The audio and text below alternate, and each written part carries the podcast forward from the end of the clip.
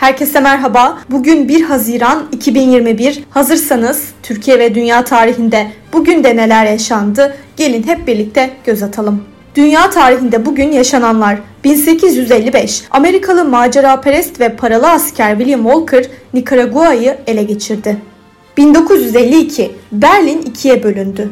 1973 Yunanistan hükümeti monarşiyi kaldırarak cumhuriyeti ilan etti. 1974 nefes borusuna yabancı cisim kaçan hastaları boğulmaktan kurtaracak hemlik manevrasının nasıl yapılacağı ilk defa Acil Tıp dergisinde yayımlandı. Türkiye tarihinde bugün yaşananlar 1453 Ayasofya'da ilk cuma namazı Akşemseddin tarafından kıldırıldı. 1911 Kıtaatı Fenniye ve Mevaki Müstahkeme adıyla Türk Hava Kuvvetleri kuruldu.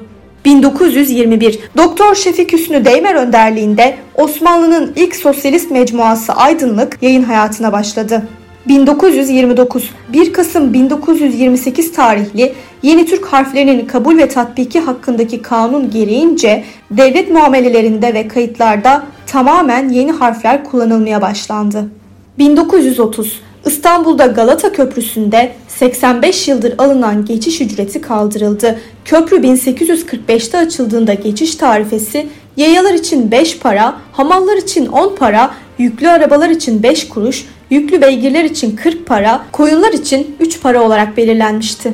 1930 Resmi ve özel bütün kurumlarda Arap harflerinin kullanılış izni sona erdi.